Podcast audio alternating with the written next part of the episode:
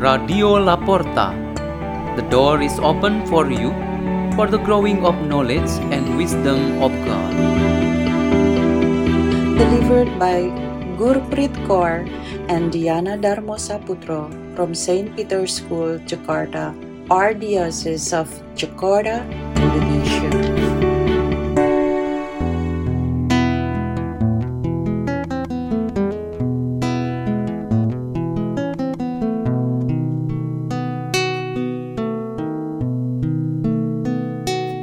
Reading and meditation of the Word of God on Saturday of the 16th week in Ordinary Time, 29 July 2023, Memorial of Saints Martha and Mary and Lazarus.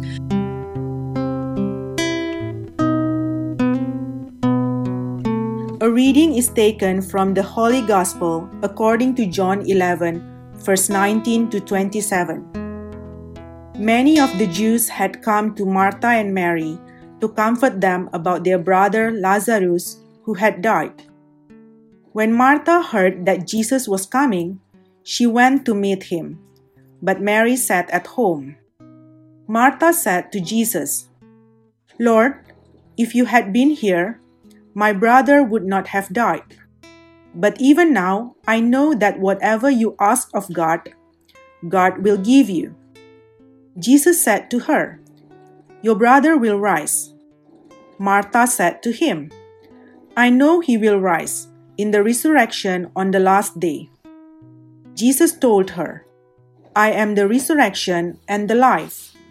Whoever believes in me, even if he dies, will live, and anyone who lives and believes in me will never die. Do you believe this? She said to him, Yes, Lord. I have come to believe that you are the Christ, the Son of God, the one who is coming into the world. The Gospel of the Lord.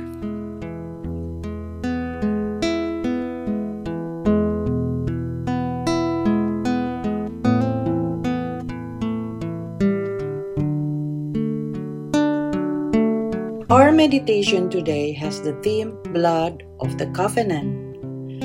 This term is found in the Old and New Testaments. It is a commitment of a binding relationship between God and man.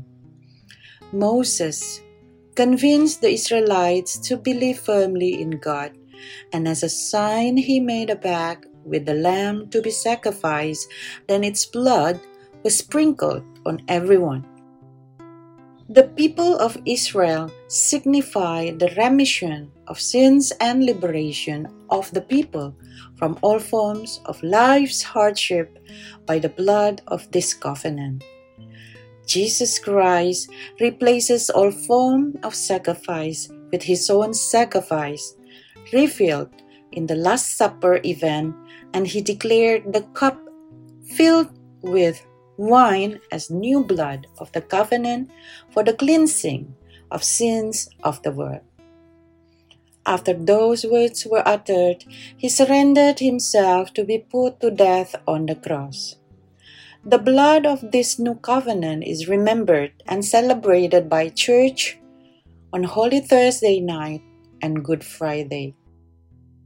This blood of the covenant is a very basic reason for every follower of Christ to realize and be grateful that they have been paid with a very high price to be saved from sin and the power of the world. This is also the reason for everyone who feels called to shed his blood for the sanctity of life and the good of his fellow men. This became the holy martyrs of church as we all know.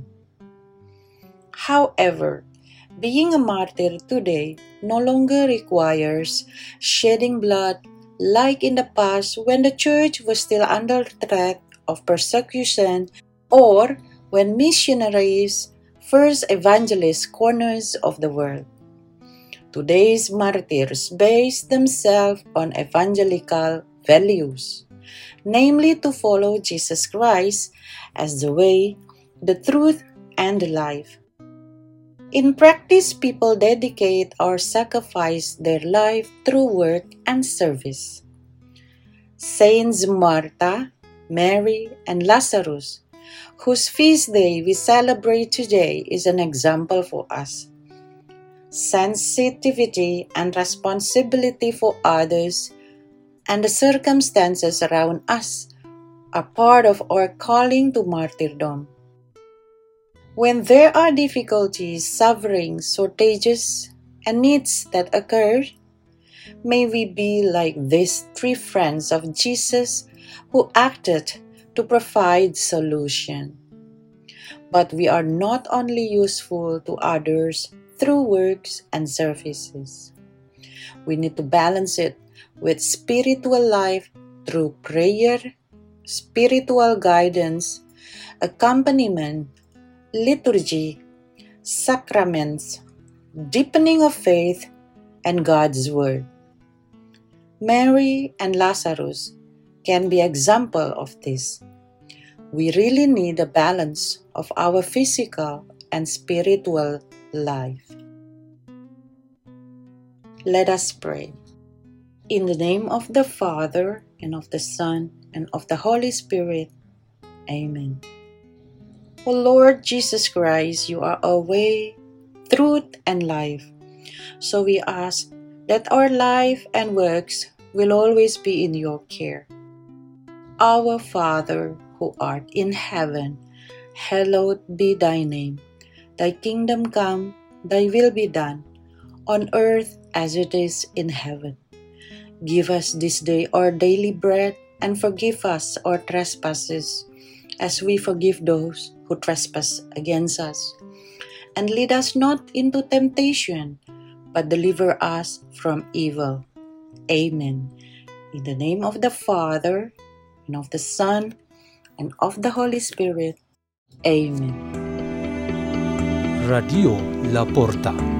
The door is open for you.